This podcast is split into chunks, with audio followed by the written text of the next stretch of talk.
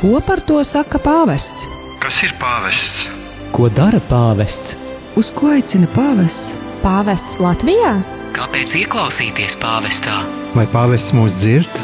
Kas rūp pāvestam? Ko pāvests saka jauniešiem? Ko pāvests domā par Latviju?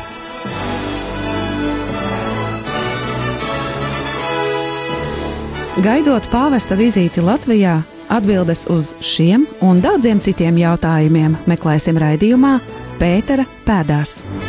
Katru piekdienu, pulksten 13. ar atkārtojumu sestdienā, pulksten 10.10 10 un otrdienā, pulksten 22.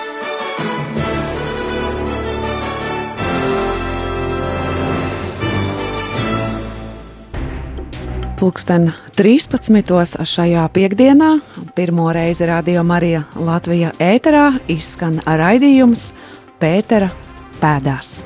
Šī gada 24. septembrī mūsu zemi Latviju apmeklēs viņa svētība pāvests Francisks, un ļoti īpašā laikā Latvijai pāvests braudz. Jā, jāsaka, ka šis laiks ir dubultā īpašs, jo šajā gadā Latvija, un patiesībā arī ne tikai Latvija, svin savu simtgadi un vēl kāda jubileja. Jā, arī pieminam svētā pāvesta Jāņa Pāvila otrā viesošanos mūsu zemē, un tai aprita tieši 25 gadi. Jā, un šajā raidījumā Pētera pēdās mēs dosimies tiešām kā pa pēdām, sekosim līdz, sekosim līdz pāvestam, pāvestībai un dažādiem citiem jautājumiem, kas skar pāvestu, lai un, principā arī nonāktu līdz šim 24. septembrim, līdz šim piedzīvojumam šeit Latvijā. Mēs ceram, ka šis raidījumu cikls Pētera pēdās palīdzēs tev labāk sagatavoties pāvesta vizītei Latvijā.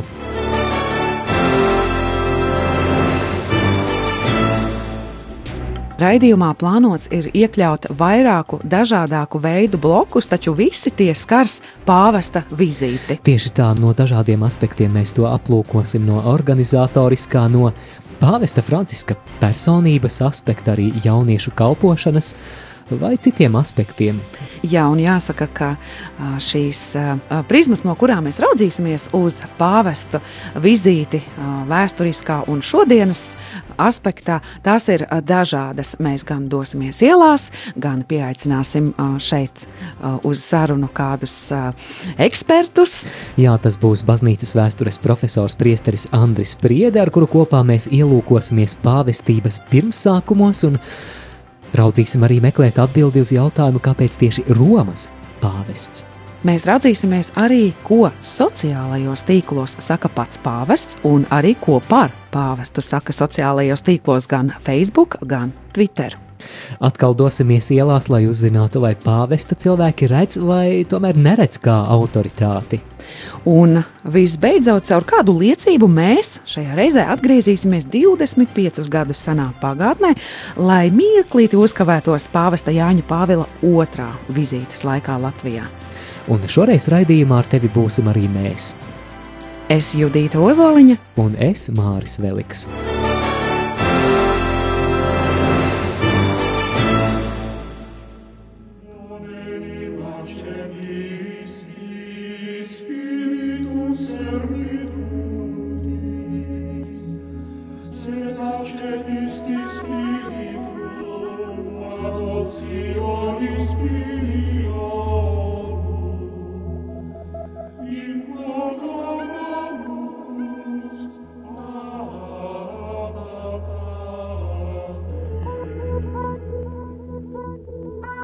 Sei mio figlio, io oggi ti ho generato. Io gli sarò padre, egli mi sarà figlio. Sono parole profetiche, esse parlano di Dio che è padre nel senso più alto e più autentico della parola. dice Isaia, Signore, tu sei nostro Padre, noi siamo argilla e tu colui che ci dà forma. Tutti noi siamo opera delle tue mani.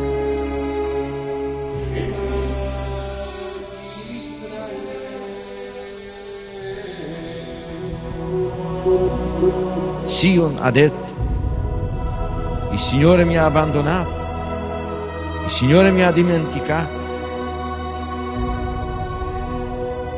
Si dimentica forse una donna del suo bambino? Anche se ci fosse una donna che si dimenticasse, io invece non ti abbandonerò mai.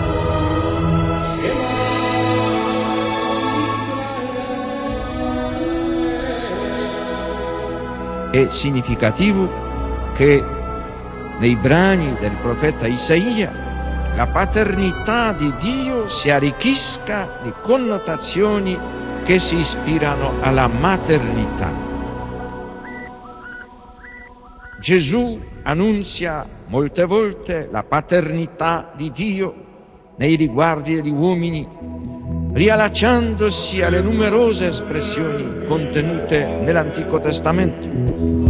Per Gesù Dio non è solamente il Padre di Israele, il Padre degli uomini, ma il Padre suo, il Padre mio.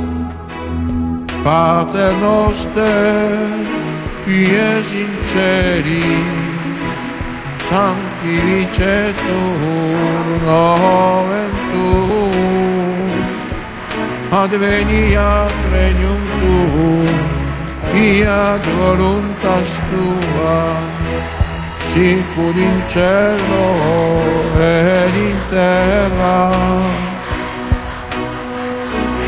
Padre nostrum quotidianum da nobis odie et dimitte nobis levita nostra, sicur et nostri vittimus, debitoribus nostri, et ne nos induca in tentatione, sed libera nos a malo.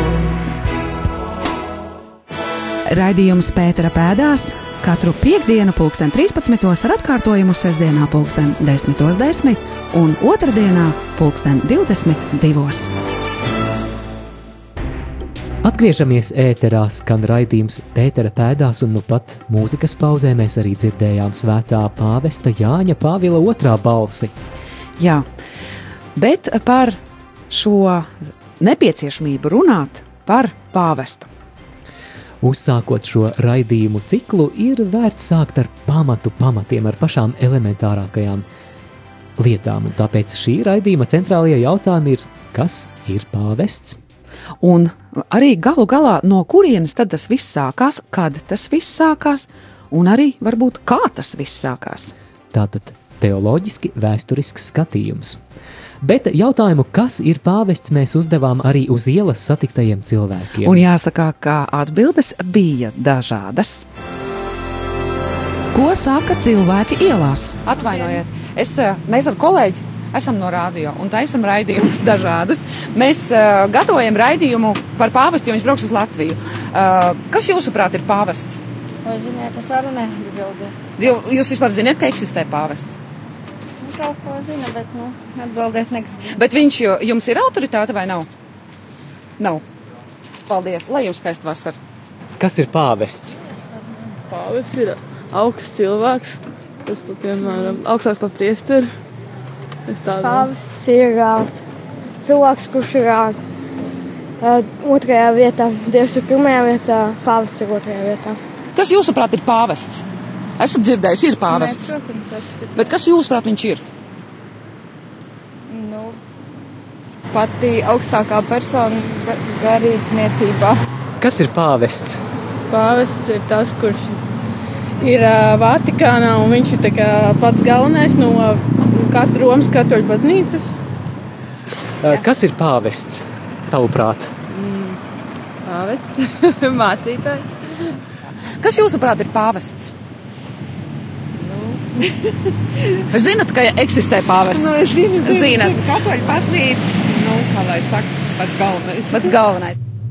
Jautājums pavisam vienkāršs. Kas jūsuprāt ir pāvests?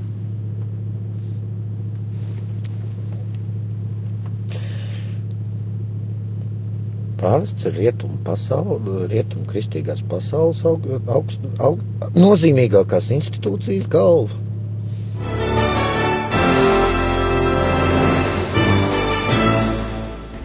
Dzirdējām uz ielas sastato cilvēku atbildes uz šo jautājumu, kas viņuprāt ir pāvests, bet eh, šobrīd ieskatīsimies, ko par pāvestu saka pati katoliskā baznīca. Tādēļ atšķiram katoliskās baznīcas katehismu. Fragments no baznīcas dokumenta. Sākot no 881. paragrāfa mēs lasām. Nosaukdam Sīmani par Pēteri, aramiešu valodā Kēfa klints. Kungs vienīgi viņu darīja par baznīcas klinti. Viņš uzticēja Pēterim baznīcas atslēgas un iecēla viņu par ganu visam ganāmpulkam. Taču bez šaubām, ka šis Pēterim uzticētais uzdevums atraisīt un saistīt tika dots arī apstuļu kolēģijai, kas ir vienota ar savu vadītāju.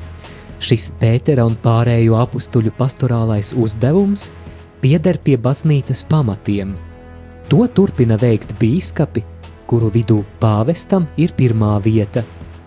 Un turpat Katoļu baznīcas katehismā 882.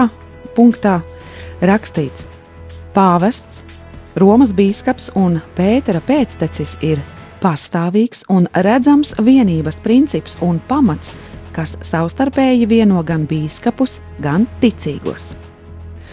Patiešām Romas pāvestam kā Kristus vietniekam un visas baznīcas virsganam pār baznīcu ir pilnīga, augstākā un universālā vara, ko viņš vienmēr ir tiesīgs brīvi pielietot.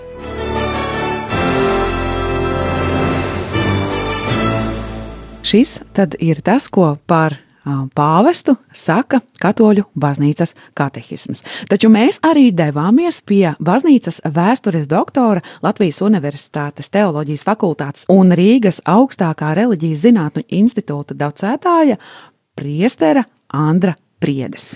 Ar viņu tikāmies Rīgas sāpju dievmātes draudzē vēloties ielūkoties pāvestības vēstures pašos pirmsākumos, bet vispirms mēs vēlējāmies arī dzirdēt priestera atbildi uz jautājumu, kas ir pāvests viņam pašam. Eksperta viedoklis. Esam veikuši ielu intervijas un aptaujājuši ļaudis, uzdodot jautājumu, kas ir pāvests. Bet, ja šo jautājumu, kas ir pāvests, mēs uzdotu baznīcas vēstures profesoram un priesterim, tad kāda būtu atbilde? Nu, profesoram būtu viena, un priesterim būtu daudz pareizāka. Eh, jo vēsturniekam vienīgajam ir tiesības arī pavērt, teiksim, to aizkulišu kadrus un pateikt, ka kā personas, īpaši renesanses laikmetā, nu, pāvesti nav arī bijuši uzdevuma augstumos. Nevelti to tagad uzskata par vienu no protestantiskās reformācijas katalizatoriem. Tas, ka renesanses pāvests varbūt nespēja saglabāt to līdzsvaru, kāds bija um, acu mirklī, tas ir 14., 15., 16. gadsimtā starp pienākumu būt vienam no firstiem, vienam no prinčiem, ar galmu, ar mecenāta panākumiem, un tad pašā laikā būt par visu kristiešu gānu un vēl vairāk būt par paraugu kristieti. Tādas epizodes mums baznīcas vēsturē ir bijušas, un par tām mums ir pienākums vēsturē izrunāt, lai prastu atšķirt pāvesta personas no viņu ministērija vai no viņu petrīniskās kalpošanas. Un savukārt tātad kā kristietim, kā priesterim un arī kā vēsturniekam, paldies par tādu salīdzinājumu, man tomēr pāvests e, viņa kalpojums ir kā atskaites punkts e, ticības un morāls jautājumos. Tieši tā kā to ir formulējis Pirmais Vatikāna koncils 1870. gadā, bet vēl vairāk uzskata, ka 1870. gada koncils neformulē neko jaunu. Šā, šī koncepcija jau bija izstrādāta Florences 1703, es atvainojos, 1439. gada bullā Letentur cēli par austrumu rietumu baznīcas apvienību, tā e, pāvestu nemaldības dogma ticības un morāles jautājumos faktiski jau bija pieņemta četrus gadsimtus agrāk. Bet uh, tagad dosimies uz pāvestības pašiem pirmsākumiem un jautāsim jums, kā baznīcas vēsturniekam, ko mēs zinām par pirmajiem pāvestiem. Pašu, pašu varbūt iesākumu no kurienes tad nu, pats pats pirmsākums pāvestībai, kur tas viss tika iedibināts un no kurienes tas viss ir sācies, jo kaut kur ir jābūt sākumam. Nu, tikai neskatiet to par kalambūru, bet pāvestība ir vēl vecāka par pašu baznīcu. Jo mēs sakām, Svētās baznīcas dzimšanas diena, tie ir vasaras svētki. Bet brīdis, kad Jēzus apustuliem Pēteriem pasaka, tu esi Pēteris, tu esi kēfa aramiešu valodā, un uz šīs klinces uzcelšu savu baznīcu, ui, tas jau ir e, varbūt pāris gadus vēl pirms nekā e, vasaras svētkos ir nonācis svētais gars. Tā tad mēs varētu teikt, Pētera kalpošana jo nu, kopš Benedikta 16. es atceros, kad vajadzēja Latvijas televīzijā komentēt tiešraidē eh, pāvesta inaugurācijas dievkalpojumu, un tam mums bija teoloģiska problēma, kā nosaukt šo ministēro Petrīno, pētera kalpošanas sākumu, jo notika tāda pakāpeniska pāreja no kronēšanas, svētīgais Pāvils VI ir faktiski pēdējais pāvests, kas ir kronēts kā ar tiāru. Tad Jānis Pāvils I un Jānis Pāvils II vēl netika kronēti, bet vairs netika kronēti, atvainojos, bet kā nosaukt viņa kalpošanas sākumu, Benedikts 16. tad svītrot tiāru pat no ģērboņa, uzsverot, ka lūk, tur jau drīzāk vajadzētu attēlot kādu galejas pakalnu, uz kura Pēters ir nometies Jēzus priekšā uz ceļiem un saņem šo mandātu ar 12 apstuļiem. Māte evaņģēlijas 16. nodaļas 18. un 19. pāns ir šī Pētera kalpošana, un lūk, tas ir pirmais pāvests, kaut arī viņš pats to vēl nezina. Bet viņš pilda šo uzdevumu, un kad viņš ierodās Romā, un kad pēc tam baznīcas tēvu liecībās tas pats Svētais Ignācijas no Antiohijas raksta vēstuli Romas ticīgajiem, kas ir gatavi tagad viņu atbrīvot, jo viņš ir uh, apcietināts, lai vestu tiesātu uz Romu, un Romas ticīgie ar visiem saviem sakariem galmā arī toreiz bija ne, sava veida, kā mēs padomu laikos teicām, blata sistēma. Viņi ir gatavi e, panākt Ignācijam kādu likteņa atvieglošanu. Tad Ignācijas saka, nedariet to. Es jau jums, protams, nevaru pavēlēt, kā to darīja Pēters un Pāvils Romā, atsaucoties uz Pētera autoritāti Romas draudzē. Bet, nu, es jūs lūdzu, ļaujiet man kļūt par patieso Kristus miesu zvēru zobos. Un tas arī notiek. Viņu saplosa. Tāda svētais Ignācijas no Antiohijas apliecina, ka jau dažus gadus pēc Pētera mocekļa nāves viņa apustuliskā autoritāte bija neapšaubīta. Pēteris Un tad ir viegli atcerēties nākošos divus pāvestus, jo viņus piemin Romas kanonā, ja pirmajā euharistiskajā lūkšanā uh, Lins Klets Klemens, vai ne? Lins jeb Anaklets, nākošais pēc Pētera Lins, tāda Anaklets, un tad trešais populārākais ir uh, Klemens, viņš ir gandrīz vai mūsu novadnieks, ja mēs tā varam teikt, jo uh, viņu izsūtīja trimdā uz tādu populāru kūrortu kā Krīma. Tikai romiešiem, protams, tas nebija kūrorts, Eh, Melnās jūras eh, piekrasta ar šaucošām citronu virzīm, bet nu, tālākais Romas impērijas eh, nostūris, kur var aizsūtīt. Nu, tā tad apustuļa Pētera trešā pēcnācēja Klementa mūžs noslēdzās Krīmas pussalā, un tam viņš vienmēr tiek uzskatīts par šīs teritorijas otro apustuli pēc Andreja, kas būtu darbojies tur Volgas Donas, Ņepras, Leitecē un arī dažas tādas divbīgas eh, tradīcijas saka, varbūt paši līdz pašai Daugavai atnācis, varbūt mūsu svētais aizbildnis apustos, kas šeit ir darbojies. Nu tātad tie ir pirmie pāvesti, kuri savu apustulisko kalpojumu veids pirmām kārtām pašā Romas draudzē, bet viņu autoritāte ir atzīta arī ārpus Romas robežām. Tas pats Ignācijas saka, Romas draudzene ar tās vadītāju kur ir pirmie šajā mīlestības kalpojumā. Gadsimti ir gājuši, un šobrīd um, ir pāvesta Franciska pontifikāts, un tas ir 260, vai jūs varētu precizēt, vai tas nav tik viegli izdarāms? Gudīgi sakot, šeit atkal eh, mani, eh, manī dalās tā teikt eh, priestera un baznīcas vēsturnieka funkcijas. Jo baznīcas vēsturnieki tā labprāt atsaucās uz tradīciju, kāda bija līdz Jāņa 23. pontifikātam līdz 1958. gadam, ieskaitīt starp likumīgiem pāvestiem arī divus tā saucamos Pīzas obediences pāvestus. Tas ir Aleksandru V un Jāni 23. Tikai uh, 400, es atvainojos, 500 gadus vēlāk pāvests izlēma, ka šos divus mēs svītrosim no leģitīmo pāvestu saraksta, bet toties nu, ar ikonoklastijas ekscesiem nenodarbojās, un joprojām šie divi pāvesti, kas tagad mums ir Anuārio Pontificio ierakstīti kursīvā, kā tādi mazliet kreisie, svētā Pāvila bazilika ārpus mūriem, kur ir mums visu likumīgo pāvestu portreti, tad ir arī šie divi. Tā kā mums ar to 260 kurais, nu, par diviem mēs varētu diskutēt, vairāk Jā. vai mazāk. Bet kā ir ar Romu? Mēs pāvestu uzskatām par Romas bīskapu. Kāpēc tieši Romas un kāpēc tas ir tik svarīgi? Jā, ļoti labs jautājums.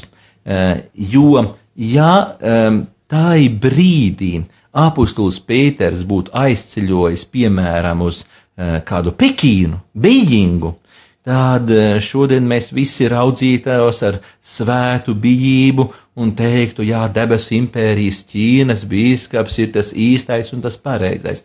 Bet, nu, acīm redzot, dieva aizredzē notika tā, kā tā laika vidusjūras baseins un lielie baznīcas tēvi, tāpat kā Gregors Lielais vai Leons Lielais, viņi ir uzsvēruši, ka tā bija dieva providence, dieva aizredzes brīnišķīga veiksme, ka bija tāds Pāks Romāna, un visā vidusjūras baseinā bija nodrošināts miers, kas bija priekšnosacījums labākai, labās vēsts sludināšanai, evanģelizācijai.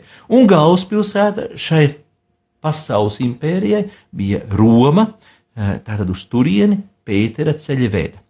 Mūsu pareizcīgo draugi, viņi saka, ka šis ir vēsturisks faktors, un nevis tieša dieva iejaukšanās. Tāpēc viņi respektē Romas eh, pāvestu, jeb Romas biskupu kā rietumu patriarhu, pirmo starp visiem patriarchiem, bet neuzskata, ka tās būtu Jēzus, tā teikt, pestīšanas darbā ieprogrammēts.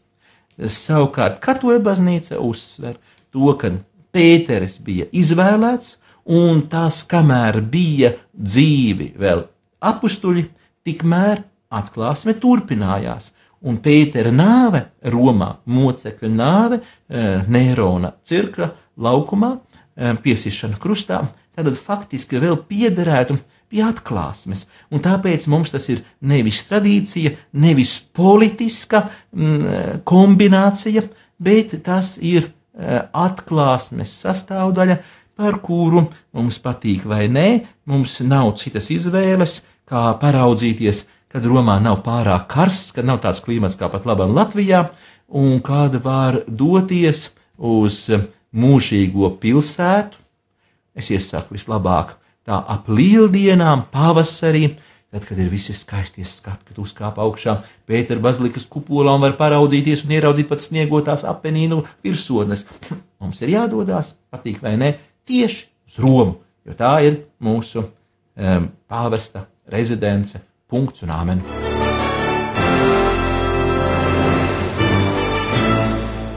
Pateicība priesterim Andrim Priedem par sirsnīgo uzņemšanu un arī, protams, gatavību vadīt mūs tādā nelielā, nelielā ekskursijā pa pāvestības vēstures līkločiem, it īpaši pašos pašos pirmsākumos.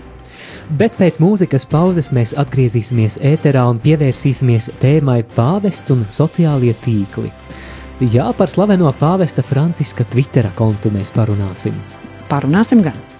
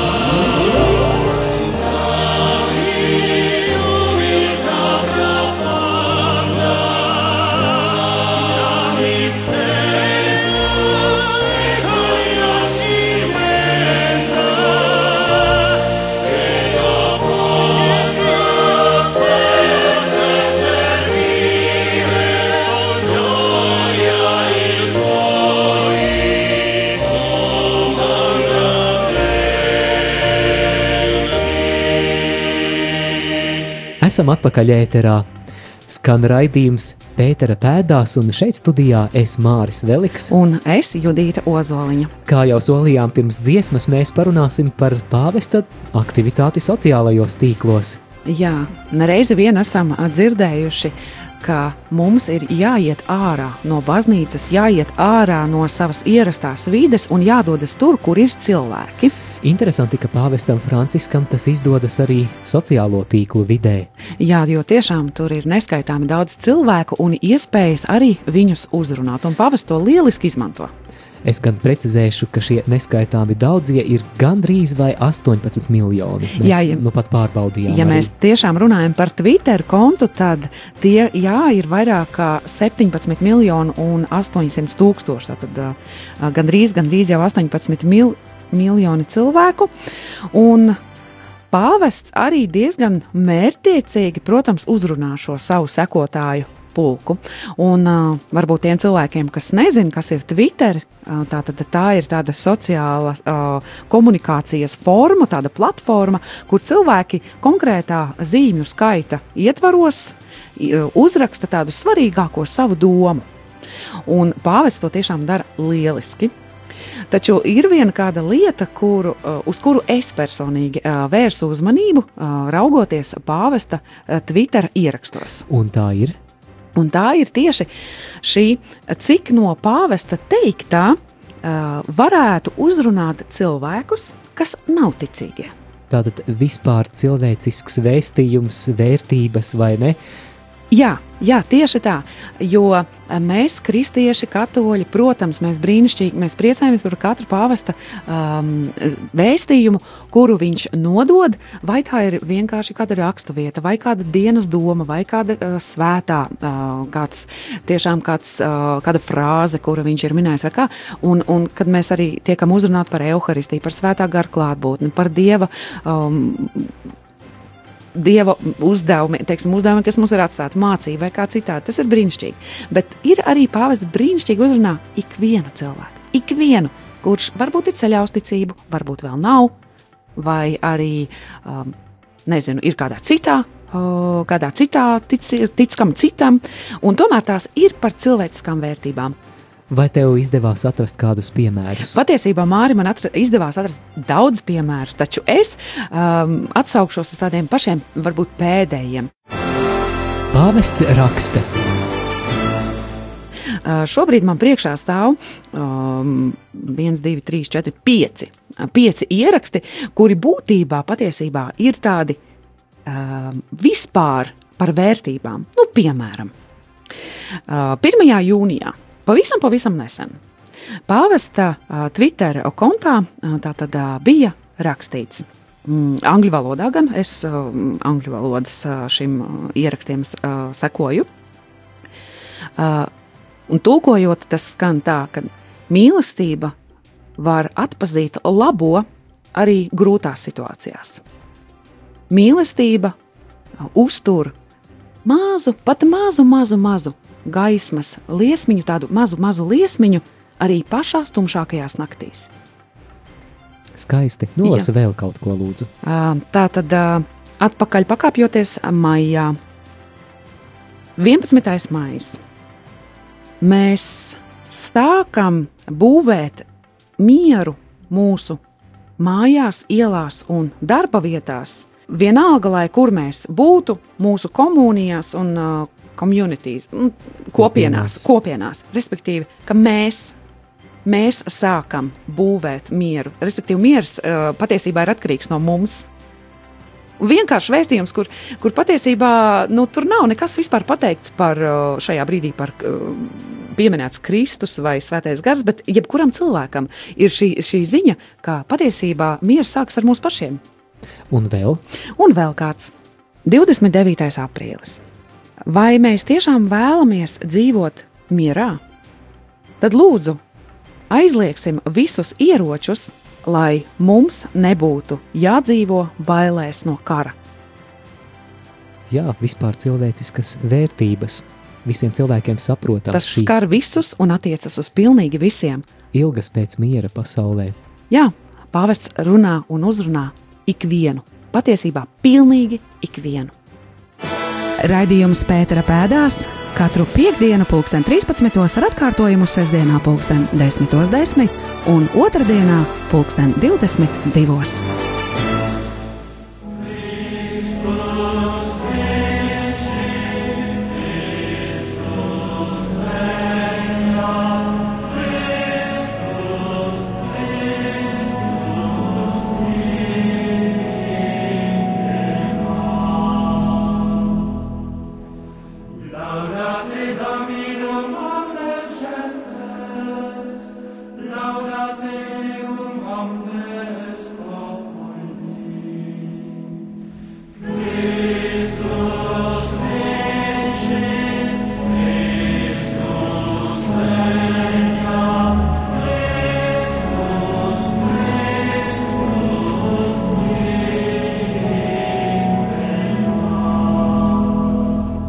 Pirms dziesmas mēs runājām par to, ka pāvests arī Tāpat kā aicina mūs doties ārpus savas ierastās komforta zonas, arī viņš dodas tur, kur cilvēki ir. Un šajā gadījumā mēs runājām par viņa Twitter kontu, kuram ir teju jau 18 miljonu sekotāju, un par to, ka patiesībā tā pāvestam ir sakāmais katram un ikvienam. Vai viņš ir ticīgs, vai viņš nav ticīgs, bet viņš runā par vērtībām, kuras ir svarīgas katram un pilnīgi ikvienam.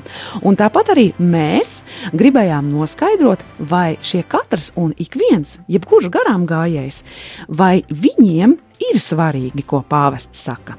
Tieši tā mēs satiktajiem garām gājējiem jautājām, vai pāvests viņiem ir autoritāte, un manuprāt, šis jautājums ir arī svarīgs tādēļ, ka mēs jau raidījumā dzirdējām, ka Katoliskajā baznīcā pāvests kā apustuļa Pētera pēctecis tiek uzlūkots kā ar īpašu valdīšanas, ganīšanas un mācīšanas autoritāti apveltīts, saskaņā ar īpašu Kristus mandātu. Tātad autoritāte ir viens no atslēgas vārdiem, lai saprastu viņa kalpojuma būtību, bet nu tad dodamies ielās. Ko saka cilvēki ielās? Vai pāvests jums ir autoritāte? Jā, pat ļoti augstu tādu. Viņš mums ir svarīgs cilvēks mūsu ikdienā. Kāpēc?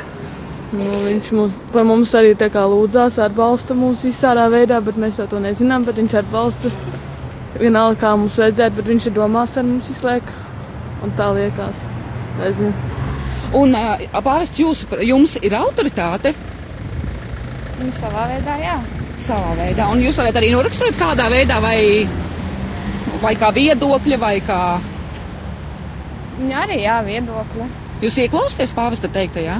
Nu, šeit, tad, kad sanāk. Kad, kad sanāk, kad jā. kaut ko tādu pasaka, kas nu, ir uzrunā. Nu, jā, jā, jā, jā. Brīnišķīgi, paldies, un uh, viņš būs Latvijā 24. septembrī. Jā. jā. Jūs nezinājāt?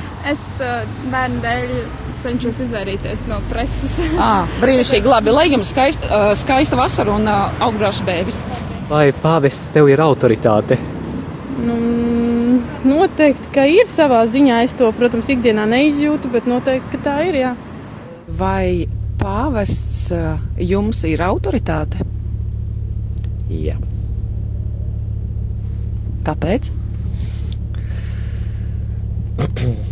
Ņemot vērā pāvesta vienreizējo pozīciju, kurā, kurā tas visu dzīvi var atrasties tur, kur tas ir, tikt visu uzklausīts un, ne, un netikt par to sodīts, viņam ir vienreizēja iespēja izteikt, izteikt visas tās problēmas, kas, kas mūsu pasaulē ir raksturīgas, un netikt par to sodītam. Tāpēc viņa viedoklis ir vērtīgs. Plus, pieskaitot vēl uh, visu vēsturisko mantojumu, kas nāk viņam līdzi. Jums pāvests ir autoritāte? Es domāju, ka jā. Un uh, varat arī, teiksim, norakstot kādā, kādā jomā, kādā ziņā autoritāti? Man liekas, par garīgām vērtībām šajā jomā. Jūs ieklausāties tajā, ko, ko viņš, kā, kā viņš es skatās? Es esmu lasījusi, lasījusi, jā, intervijas ar viņu. Jūs zināt, ka viņš būs Latvijā? Es esmu dzirdējis. 24. Jā. septembrī, pavisam drīz. À, es zinu, ka šogad. Jā, šogad, jā, jā. jā 24. Jā. septembrī. Lai jums skaisti vasara. Paldies! jums arī paldies! paldies. Vai pāvests tev ir autoritāte vai nav? Nē, nē. Kāpēc? Nu, mana autoritāte droši vien mans mācītājs. Tas ir reāli manā dzīvē, nu, tas ir manā ikdienā. Tas ir kaut kas, Es arī viņa dzīvi redzu, nu, vairāk. Jā. Es nevaru redzēt pāvesta dzīvi. Tikai televizorā. Nu jā, vairāk mans mācītājs.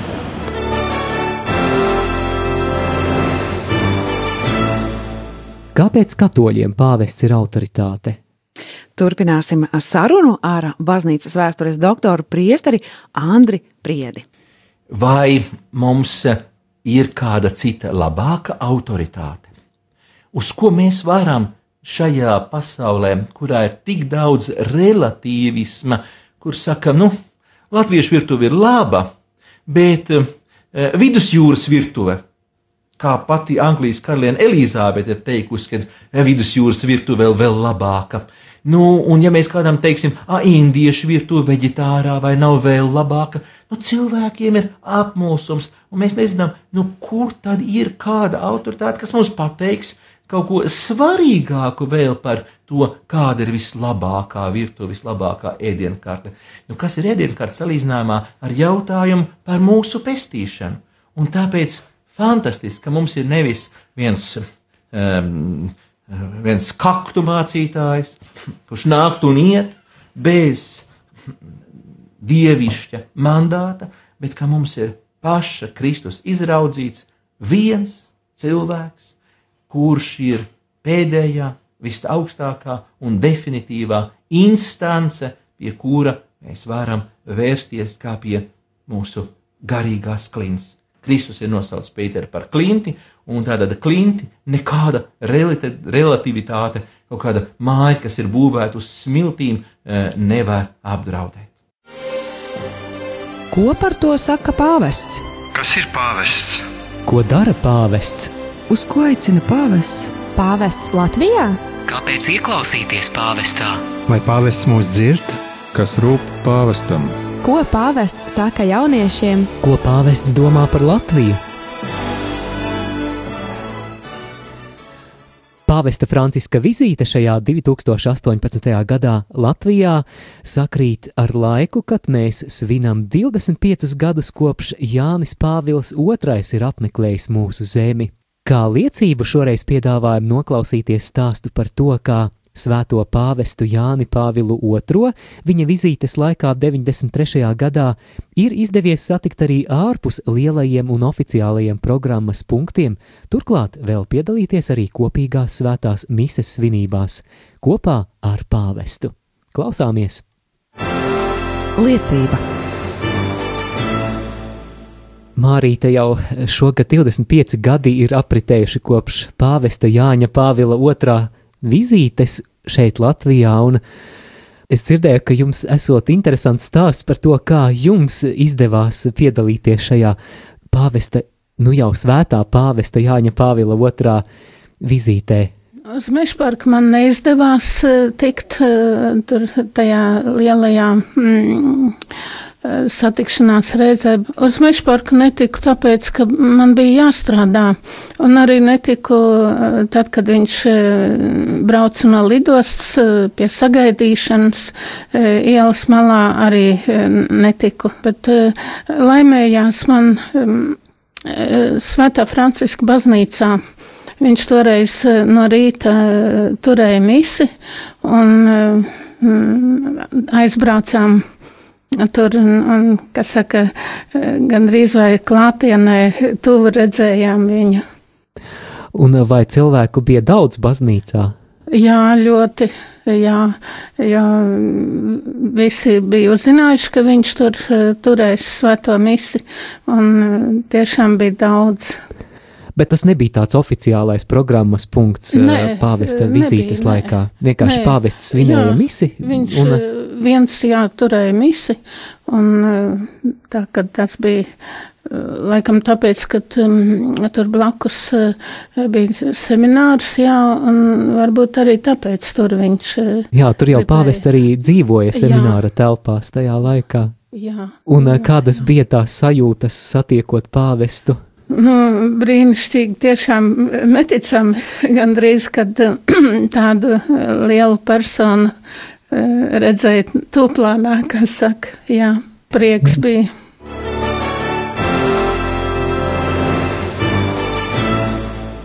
Šajā pirmajā raidījumā Pētera pēdās mēs meklējām atbildes uz jautājumiem, kas ir pāvests un kā tas viss sākās.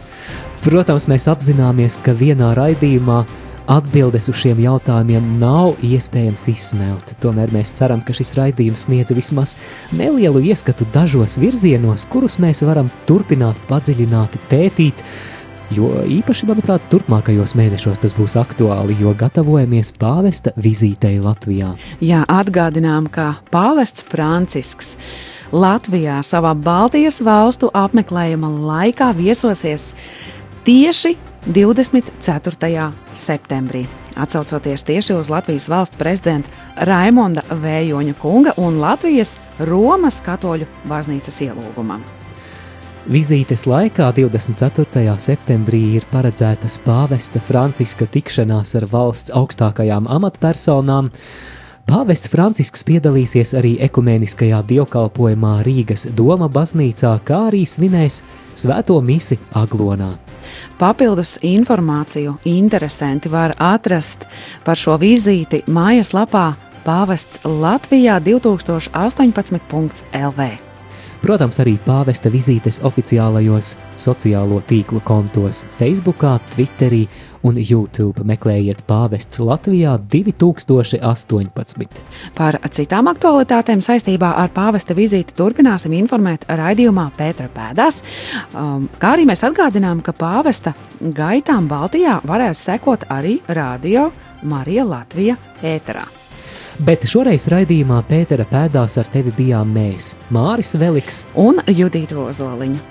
Bet raidījuma noslēgumā vēl arī laiks lūkšanai par pāvestu, par gaidāmo vizīti Latvijā, par mūsu zemi un, protams, arī par tevi klausītāju. Laiks lūkšanai!